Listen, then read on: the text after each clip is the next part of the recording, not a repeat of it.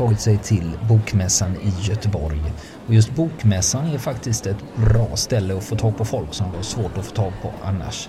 Bland annat kommer folk dit som är aktuella med sina böcker och i det här fallet så är det Jesper Söder. Han är känd som svensken som strider mot IS i Syrien. Han är på Bokmässan eftersom han precis har släppt sin bok medan världen tittade på. Jag såg det här med Jesper Söder från Trollhättan. För de flesta svenskar så har du blivit känd som svensken som åkte ner för att strida mot IS. Men eh, det är ju fler som gör det. Varför tror du just att du har fått så stor uppmärksamhet kring det? Ehm, jag tror att eh, det är många som åker från hela Europa och världen givetvis eh, som blir kända för att göra det i sina respektive länder. Men det är ju många svenskkurder som åkt ner innan mig, alltså och stridit där i många år och även är det fortfarande. Men jag tror det, att det inte är lika uppmärksammat för att de har den etniska bakgrunden till den här regionen. Jag har ju inte det, utan jag är ju Banan ända in i ryggmärgen. Så jag har aldrig haft liksom någon koppling till regionen där nere. Jag tror det är det som gör att man kommer lite högre upp i mediadrevet, tycker jag. Sen om det är rätt eller fel, det är, jag, jag tycker att de andra kan göra det minst lika bra.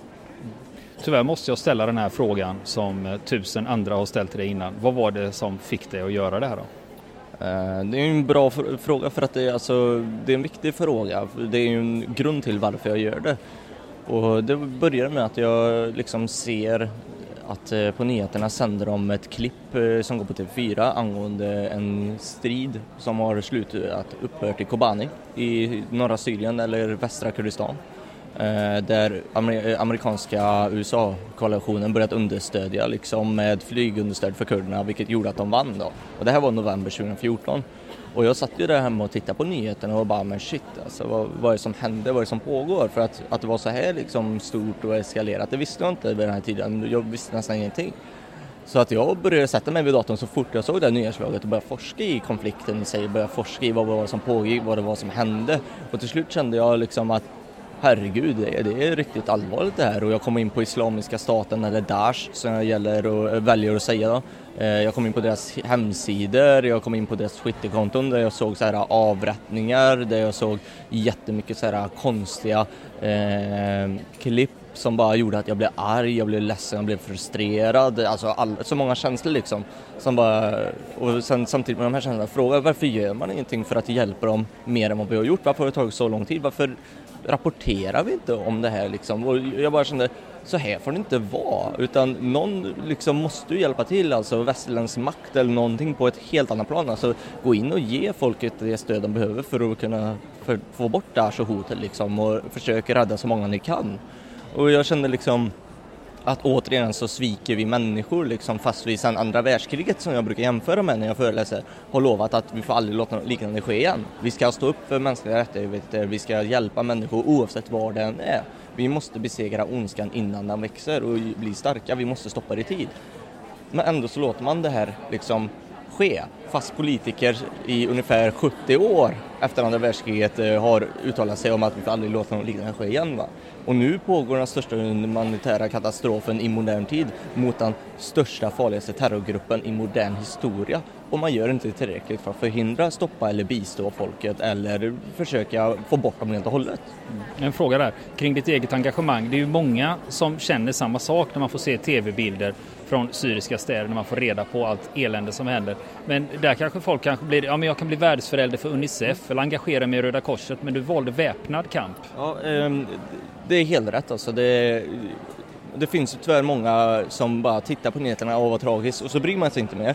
Men så finns det de som vill liksom engagera sig, bli världsförälder eller stötta Unicef eller andra hjälporganisationer som UNHCR eller försöka hjälpa till på politiska plan eller mediaplan, journalister som blir intresserade och vill hjälpa till med det viktigaste vi har. Det är journalistiken som är det viktigaste vapnet i kampen anser jag på ett sätt för att det får ju folk att vakna upp och läsa om det här. Eh, eller se det på tv och nyheterna. Men jag är ingen sån som skänker en hundralapp och hoppas att det kommer rätt. Utan jag kände att jag vill engagera mig på plats. För också på plats så kände jag att jag kunde få information och förstå hur det var och kanske inte helt och hållet bara förlita mig på medierna och tro allt som de skriver. Utan jag kände liksom att jag vill, jag vill åka ner och göra något på plats, jag vill göra något udda. Men sen att jag började strida, det var inte planerna från första början. Du ville bara ner och hjälpa till ja. i största allmänhet? Ja, alltså jag kunde gjort vad som helst. Jag kunde jobbat i soppkök, städat toaletter, alltså vad som helst bara jag kände att jag gjorde någon typ av nytta. Sen att det blev väpnad konflikt som jag deltog i och att jag blev liksom eh, en av de här som strider och så, det absolut, det, det är någonting som är både bra och dåligt. Alltså det har ju haft positiva effekter och negativa effekter på inflytande och sen vad man har varit med om givetvis. Och, men om jag skulle titta tillbaka idag så skulle jag väl säga att jag skulle åka ner tidigare för att jag tog ändå 5-6 månader på mig innan jag beslutade att åka ner. Har du någon som helst bakgrund, någon som helst militär utbildning? Ja, jag påbörjade GMU men jag fullföljde den inte. Eh, och det är någonting jag förklarar i boken varför då. Eh, så att eh, det var ju vissa personliga privata grejer som gjorde att jag fick avsluta helt enkelt. Eh, men eh, där nere har man ju fått en utbildning som eh, till duga då. och man har blivit tränad av veteraner och gerillan och så och även watch and learn om man säger så.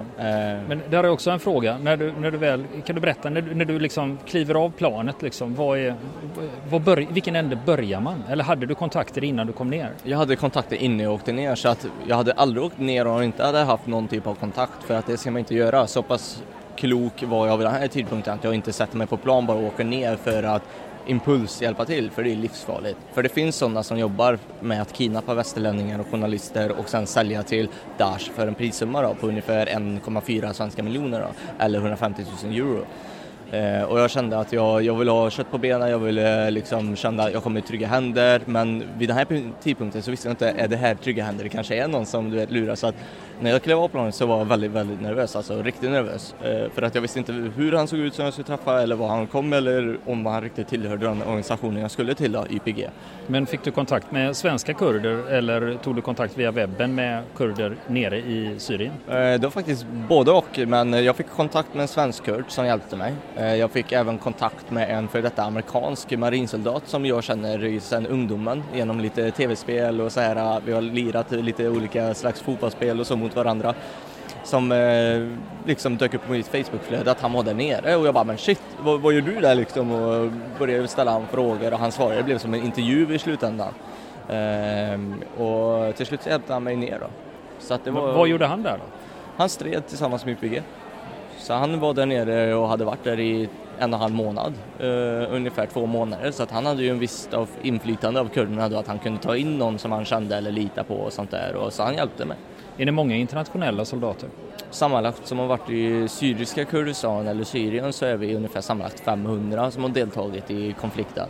Men ungefär hälften av dem har ju blivit utsparkade på grund av att de misskött sig och inte gjort det som man anser är bra. Va? och kommit med andra liksom, udda motiv och så. Vissa kommer för att köra sitt egna korståg och det funkar inte heller. Vissa kommer och missbrukar eh, eh, alkohol, försöker få tag på alkohol eller droger. Många åker ner bara för att fly ett fängelsestraff här hemma. Eh, utan det är många som åker ner av andra agendor än att vilja hjälpa till och vilja faktiskt eh, försöka vinna kampen. Men, eh, och det var egentligen därför du blev UPG-gerillan? Eh, för, för, det finns ju flera olika grupperingar. Mm, eh, det finns det och jag har kollat på de flesta grupperingar. Det finns ju en motsvarande kurdisk eh, gruppering med mer som en mer erkänd armé som kallas peshmerga då. Och de befinner sig i norra Irak eller södra Kurdistan.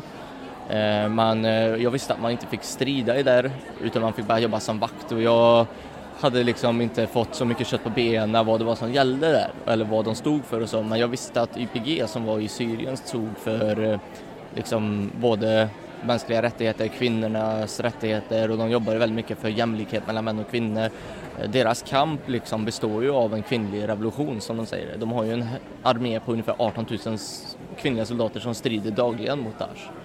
Så att eh, de förespråkar mycket så här kvinnor lika mycket värda män och de här demokratiska rättigheterna som jag anser är normala, som jag anser att det ska gälla. Va? Och det är inte så många länder i Mellanöstern som säger att en kvinna är lika mycket värd en man eller att hon får rösta eller att hon får säga emot en man och så. Och det här vill de förändra. Mm. Så YPG stämmer överens med dina egna värderingar? Ja, i princip. Alltså, jag tycker det är normala, humana värderingar. Liksom. Sen så är de ju mer kommunistiska i sitt ideologitänk och där är vi lite separata.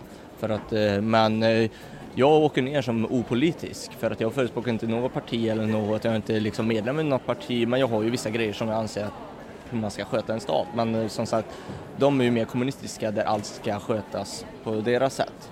Eh, och där är vi lite så här isär på det, men det är inget som jag lägger stor vikt till för det är inte därför jag är där för att säga till hur de ska sköta sitt land eller sin region. Jag är där bara för att assistera dem och hjälpa i kampen.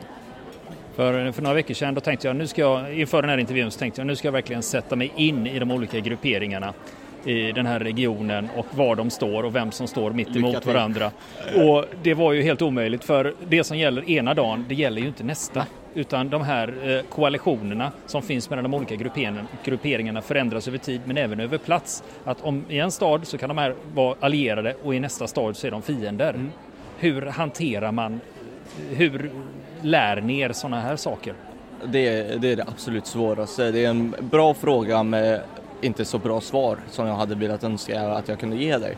Men det har faktiskt med makt och inflytande och pengar att göra mycket. Att eh, man, man köper varandras trovärdighet eller backup och sånt där. Det är mycket korruption som pågår tyvärr. Eh, sen är det också hur världssituationen ser ut, vilka världsländer, alltså stora länder, eh, maktländer alltså som USA, Ryssland och säkert Turkiet och Storbritannien, vilka är de stöttar och sånt där och varför och då försöker man alltså försöka få alla på sin sida va? för att det är mycket olja och pengar i regionen liksom, som många vill tjäna på. Det har ju mycket med maktspel, politiska intriger och olja, naturgaser. Det, det är ju det som baserar hur kriget styrs helt enkelt. Och vapenexporten gynnas ju som fan av det här. Men finns det inte en risk att man spelar i någon annans händer då? Den risken måste ju finnas hela tiden den risken kan finnas att till slut så eh, blir jag en, eh, ja inte legoknekt eh, för jag tar ju inte betalt, jag gör det helt frivilligt men det känns som man kanske gör jobbet för någon annan, absolut. Och det är därför som man liksom håller sin tillit till IPG, att de leder en rätt då, när man är med dem. Men det finns grejer som man kan ifrågasätta varför, varför detta och så, men jag har inte varit med om det än. Men risken finns att det kan hända med IPG. Alltså det, det känns som man, man vänder, alltså övriga länder och grupperingar vänder kappan efter vinden. Men YPG har ju inte gjort det än, eller Peshmerga på det sättet, så att de, de får ju många fiender på grund av detta för att de inte går på samma spår. Så att det, det är problematiskt att vi får fiender som har varit allierade, som FSA nu som blev en rebellgrupp legitimerad av eh, Turkiet och halva Daesh-styrkan i vissa områden gick över till FSA igen. Samma Daesh som var FSA från början innan de blev Daesh. Så att de byter ju vet, så uniform och sånt där beror på hur kriget går, vilka som allierar sig och det, det är det kruxet. Men de andra övriga grupperna brukar hålla sig fasta med vad de står för, bara att de kanske byter sida de slåss för. Eh, så att det har mycket med makt och pengar, vad får de om vi hjälper dem och sånt där. Och det, det är ett politiskt spel och det är civila som drabbas av det. Hur starka är YPG i regionen om man tittar på de övriga aktörerna? De är jättestarka. De är jättestarka och de har ju också bildat någonting som heter SDF, eh, Syrian Democratic Forces, med många olika klaner och stammar bakom sig och eh, de har många, många olika minoriteter i alltså SDF. Men själva grund YPG som var grundmotståndsrörelsen är väl sammanlagt på kanske 50 000 eller 60 000, det är väldigt oklara siffror. Eh, men så finns det ju SDF med ungefär 50 000 så de är ganska många nu alltså. De är riktigt många och de är väldigt starka men eh, alltså, de har ju inte jättebra leveran- eh, vapen om man säger så. De kör ju med Klasjnikovs och så för andra världskriget och de har lite vapen från andra världskriget som de använder och kalla kriget och Vissa är väl nyare, de har väl vissa M16 från Vietnam och dylikt liksom, så att det är ju så här andrahandsvapen i princip. Men det finns också de kalasjnikoverna som är helt nya som aldrig blivit använda som kalla kriget som aldrig blev av då, som Ryssland bara ville sälja för att få in lite pengar på det de förlorar. Så att eh, de behöver ju bättre utrustning givetvis. Det hade underlättat hela kampen i sig. Eh, minröjutrustning, mörkerkameror och eh, liksom allt det här som man kan gynnas av och även bombtekniker behöver riktiga eh, skyddsutrustningsvästar, annars går de med en sax liksom och utan något skydd och försöker klippa bort de här eh, hemgjorda bomberna och vajarna och, vet, och för, förortsmineringarna så det, det är jobbigt alltså för många. Men hur ser det ut eh, för er del när det gäller utrustning? Har ni tunga grejer? Vi använder ju att vi skaffar oss själva men inte alltid att vi kan ta med oss det för att det kan hända att några behöver smugglas över till en annan del av regionen och dylikt och då kan man inte ta med sig hur mycket tungpackning eller sånt som helst. Jag tänkte mer på när det gäller beväpning om pansarvärnsraketer och men det, sånt. Det, det har vi gamla RPG 7 liksom, gamla ryska har vi och då har vi blandade där men annars har vi inte så mycket pansar, eh, antipansarvapen tyvärr, inte än. Och det, det är ett problem eh, för att de bepansrar ju många självmordsbomber och bilar liksom eh, med mycket plåt och då har vi ingenting som biter på det liksom. Så eh, vi har ju, vi skulle behöva Carl Gustav. Så vi behöver, men det, det har vi inte. Mm. Eh, hur ser, den, eh, hur ser vardagen när du är där nere? Du är hemma nu tillfälligt, du ska ner igen eller? Ja, tanken är väl att jag ska ner nu i slutet av höst, men en vardag här hemma menar du eller? Nej, där nere. Där nere, okej. Okay. Eh, en vardag där nere kan ju vara liksom, alltså det är ju 90 vänta, vänta, man gör inte så mycket ju mer man väntar. Eh, så att eh, om vi säger en vardag kunde det vara att ja, varannan, var tredje dag så tar vi en ny by, håller den i tre dagar ungefär, eller en stad håller den i en vecka tills vi får understöd, förstärkning och sådana som kan hjälpa till att försvara området när vi går vidare. Eh, men en vardag kunde vara att man vaknar upp tidigt, har vakttjänst, äter frukost, umgås med kamraterna i väntan på nya order, i väntan på nya direktiv vad vi ska göra och genomföra. Annars är det vaktpass, och vaktpass på dagen, på kvällen, håller utkik så att Daesh inte kommer och försöker göra bakhåll eller självmordsbombare. Och det, det, det var vår vardag och då försöker man hitta andra grejer som man kan göra för att tiden ska gå snabbare som att kanske vissa går och hjälper lokalbefolkningen om det finns några i närheten med deras sysslor. Vissa umgås och leker med barnen kanske och andra går och spelar eh, liksom typ någon boll om man har det men det är inte säkert. Annars sitter man bara och väntar och röker cigaretter. Alltså det, det är inte så mycket man kan göra faktiskt. Eh, när ni tar en ny by eller en ny stad, eh, hur, hur bemöts ni då av lokalbefolkningen? Ofta så brukar de fly faktiskt, men ibland så finns det några som gråter, som är rädda för oss och ibland så är det glada eh, glädjetårar och glada skratt och sånt där och är lyckliga att vi är där. Och... Men det är blandat, men det har kommit också väldigt sura tanter, gamla tanter som tycker att vi är farliga va, som har pekat eh, finger mot oss, spottat mot oss och sånt där, sådana som tycker att Daesh är bättre. Men eh, det är blandade känslor faktiskt. Vilka större städer är det du har varit inblandad i strider i? Uh, Al-Hassaki är väl den största staden som jag har varit inblandad i strider med och sen uh, efter det så är det väl Suluk uh, och under Tal Abyad. Det är väl de stora städerna som jag har varit delaktiga i strider men det, det mesta händer ju på landställena, liksom the countryside, eh, där det är små byar och så, där händer mycket mer grejer. Du är ju av naturliga skäl den första jag träffar som har stridit mot Daesh. Hur är de som fiende? Eh, fega. Alltså de målar upp sig som att de är riktiga så här, ah, modiga soldater, gudskrigare och så men de är bara fega kräk liksom. De har ingen eh, kämpaglöd eller någonting utan de använder sig av bomber, liksom miner och så. Men de är riktigt fega när vi har tillfångatagit Daesh och, och så. De, många av dem gråter ju och skakar och liksom tror att vi ska avrätta dem på plats så som de har gjort på, för människor, men vi är inte som dem. Uh, men de är, de är riktigt fega alltså. De är, och de luktar för jävligt också. De luktar äckligt. Är det till och med så att man kan lukta sig till dem om man befinner sig tillräckligt nära dem, till exempel i en stadsmiljö? Nej, riktigt så illa är det nog inte, men när man är tillräckligt nära dem så eh, det luktar, de luktar ju bajs och urin och allting, vet du, och det förstår jag för att de har ju den här tron att om de dör av en kvinna så kommer de inte till eh, himmelriket och får sina 72 jätter, eller oskulder som de vill påstå, men jag säger jätter. Eh, och jag hade också nog skitit på mig om jag var Daesh om eh, jag hör ungefär 30 YPI-kvinnor som kommer och gör Delil som är lalalala. Då hade jag nog också skitit på mig. Eh, jag personligen brukar skämta om mina föreläsningar att jag har sett Daesh som är snabbare än Usain Bolt som springer iväg när de hör de här kvinnorna som kommer. Så att eh, det, är mycket tack vare kvinnorna faktiskt och flygunderstöden som gör att vi kunde ta tillbaka så mycket land. Under eh, våroffensiven 2015, ungefär från maj när jag kom ner till eh, slutet av augusti så tog vi 125 000 kvadratkilometer, kvadratkilometer land. Det är Gotland gånger sex. Och det är mycket tack vare de här kvinnorna som sätter skräck i Daesh och mycket under fly, eh, tack vare flygunderstödet. Det mesta, liksom, det mesta Daesh dör under flygunderstödet eh, som vi begär, under eh, flygbombningar, eh, framförallt av franska plan. För nio av tio så är det inte amerikanska plan som eh, hjälper till utan de spanar mest. Eh, någon gång så bombar de men det är mest Frankrike som är jävligt pissed off och speciellt efter Frankrike nu. Nu har de blivit ännu mer aktiva. Så att eh, mycket tack vare Frankrike, men det, de tar ju inte äran för det utan det är ju ett propagandakrig som pågår, speciellt när Ryssland kommer med i bilden. Vem är det som bombar vad och vem är det som bombar mest, vem är det som gör mest skada mot Daesh? Va? Så att eh, de stora västmakterna ju, försöker få folket på sin sida givet och, och få väldigt mycket respons fast äran tycker jag ska vara Frankrike och Jordanien. En, en, fråga, och nu är det lite spekulation, för du var ju inte nere i Syrien när det där hände, men det var en hjälpkonvoj som var på väg in till Aleppo ja. häromdagen. Och när den blev sönderskjuten eller sönderbombad av flyg.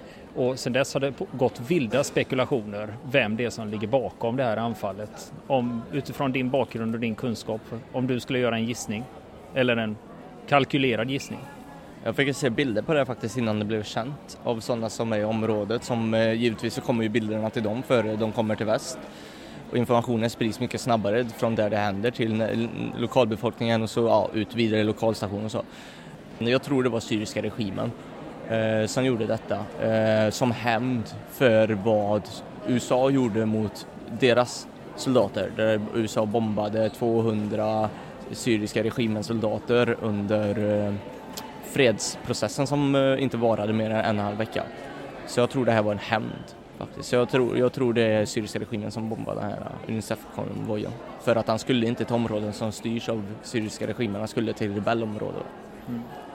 En eh, personlig fråga Jesper. Eh, om du tänker dig Jesper i Trollhättan för några år sedan och Jesper idag. Vad är de stora skillnaderna? Personlighet, skillnad. Hur har du, har du förändrats? Det förutsätter jag att du har. Klart jag har gjort det. Eh, faktiskt, det är en riktigt bra fråga. Eh, jag kan helt enkelt bara ärligt säga att eh, jag är den samma Jesper som innan. Alltså i Trollhättan, det är ju lite min frizon. Det är inte folk som kommer fram till mig och bara tjatar och du vet, vill ta selfies eller eh, sådana där grejer. Utan där kan jag vara jag och jag försöker vara jag i alla situationer men givetvis har jag lärt mig uppskatta det man har i livet efter att ha sett när folk inte har någonting. Jag uppskattar liksom varje konversation, jag uppskattar till och med att stå och prata med dig och eh, alla som kommer fram och jag vill verkligen visa att jag är densamma på ett sånt sätt. Jag tror det kanske är bekräftelsebehov av min egna sida, det vet jag inte men jag har lärt mig uppskatta livet mer. Ilandsproblemen är inte så stora för mig längre. I, i, förr kunde man klaga på vädret men det gör jag inte längre utan jag tar, ja det finns inga vardagsproblem på det sättet för mig längre. Jag blir inte ens sur om tåget är försenat någonstans. Eh, sen, eh, det är väl den aspekten på den, men alltså sen har jag blivit mer eh, erfaren. Jag, jag har blivit mer insatt i själva konflikten. Jag har blivit så pass aktiv att det här är någonting jag vill göra, att jag föreläser om det. Jag engagerar mig på ett helt annat nivå än vad jag skulle gjort här hemma vanligtvis. Eh, utan när jag är hemma så slutar jag inte jobba liksom, då jobbar jag på andra plan. När jag är där nere så jobbar jag på andra plan liksom med olika saker och eh, aktivt stridande och så. Men här hemma så är det mer politisk media och nu med boken som har kommit ut när världen tittade bort eh, med medförfattare Johan Fredriksson på TV4. Eh, jag försöker på hela planen uppmärksamma konflikten och sprida lite information om vad som pågår och försöka få folk att förstå, försöka få i alla fall svenska regeringen att förstå och eh, kanske agera till och med på en mer eh, normal eh, humanitär eh, plan skulle jag vilja kallar det. Alltså jag vill ju att Sverige ska kunna skicka bistånd och stöd samtidigt som man ska kunna hjälpa till att ta emot flyktingar. Eh, men eh, som sagt, man ska ha koll på vilka man släpper in i Sverige. Det ska man absolut ha. Och där har ju varit otroligt dumma som bara har trott att alla kommer med goda avsikter, för så är det inte. Och påstår man det, då kan jag säga då, då är man väldigt fel ute. Men eh, som sagt, man ska upp till gränserna, man ska låta människor som behöver hjälp komma in, men man ska ha kontroll på vilka man släpper in. Och det har vi inte haft i Europa. Därav har det hänt mycket skit i Europa också. Men en, eh, du beskriver det här om att det här är, du kommer hem och du är i Trollhättan, det är som en frizon. Men samtidigt måste det ändå ligga i bakhuvudet dina kamrater som är kvar där nere. Alltid, alltid. Det är klart man tänker på dem. Vad gör de? Hur går det? Och jag tittar alltid på den här dödslistan, martyrlistan, om det är några kurder som har varit med som har gått bort eller om det är några västerländska som går bort. Nu innan eh, liberationen av Manbij eh, så dog fyra stycken av mina kamrater, västerländska kamrater. Och det var tråkigt, riktigt tråkigt. Eh, några som jag träffade första gången jag åkte ner dit, några som har varit med mig under längre perioder. Så att det fick jag röra på ganska snabbt och um, jag har försökt hantera det på ett så pass bra sätt. Alltså, det är inte så att jag har suttit hemma och gråtit men jag har varit väldigt, väldigt nere och väldigt ne ledsen på det sättet. Eh, men jag vet vad de stod för och jag vet att de skulle ta på sig uniformen igen och göra precis samma sak. Så att eh, de, de gjorde det liksom för att andra ska kunna överleva och leva i frihet och det var därför de var där liksom. Men det, det är tråkigt givetvis, Jätte, jättetråkigt. Och det var som min kamrat som dog när jag själv sprängdes i en minexplosion. Så att eh, det, det är tyvärr sånt som händer och det är krig. Liksom det, man kan inte förvänta sig att alla ska överleva. Visserligen så hoppas man det men tyvärr då gör man det att alla kommer överleva och ingen kommer att dödas eller skadas. Jag tror att chocken blir ännu svårare att hantera, alltså själva processen blir svårare att hantera om man tror detta.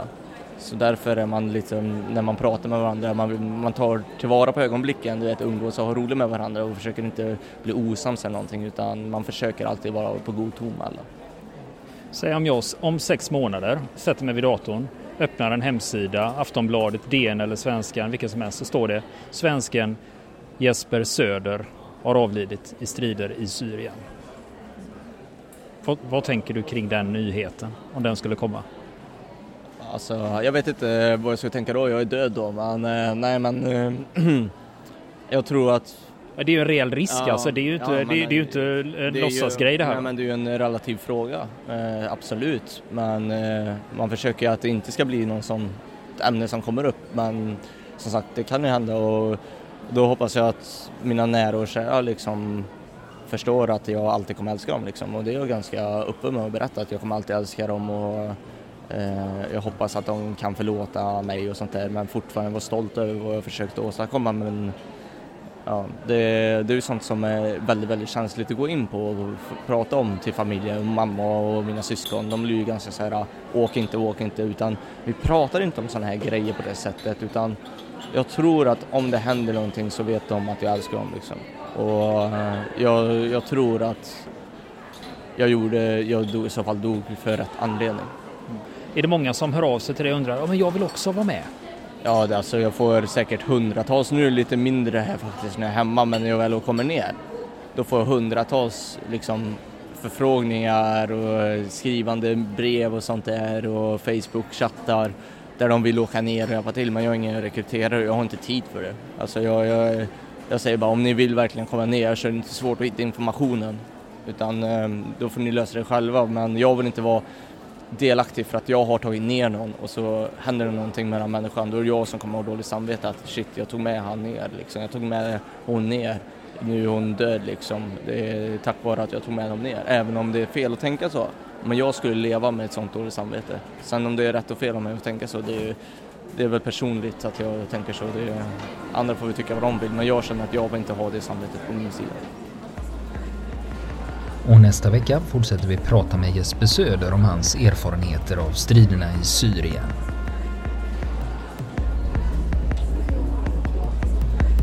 Vill ni komma i kontakt med oss så kan ni göra det via vår Facebook-sida som heter Fronten. Det är inga problem för er att leta er fram där. Eller också så mejlar ni på vår mejladress och det är frontenpodcast.gmail.com.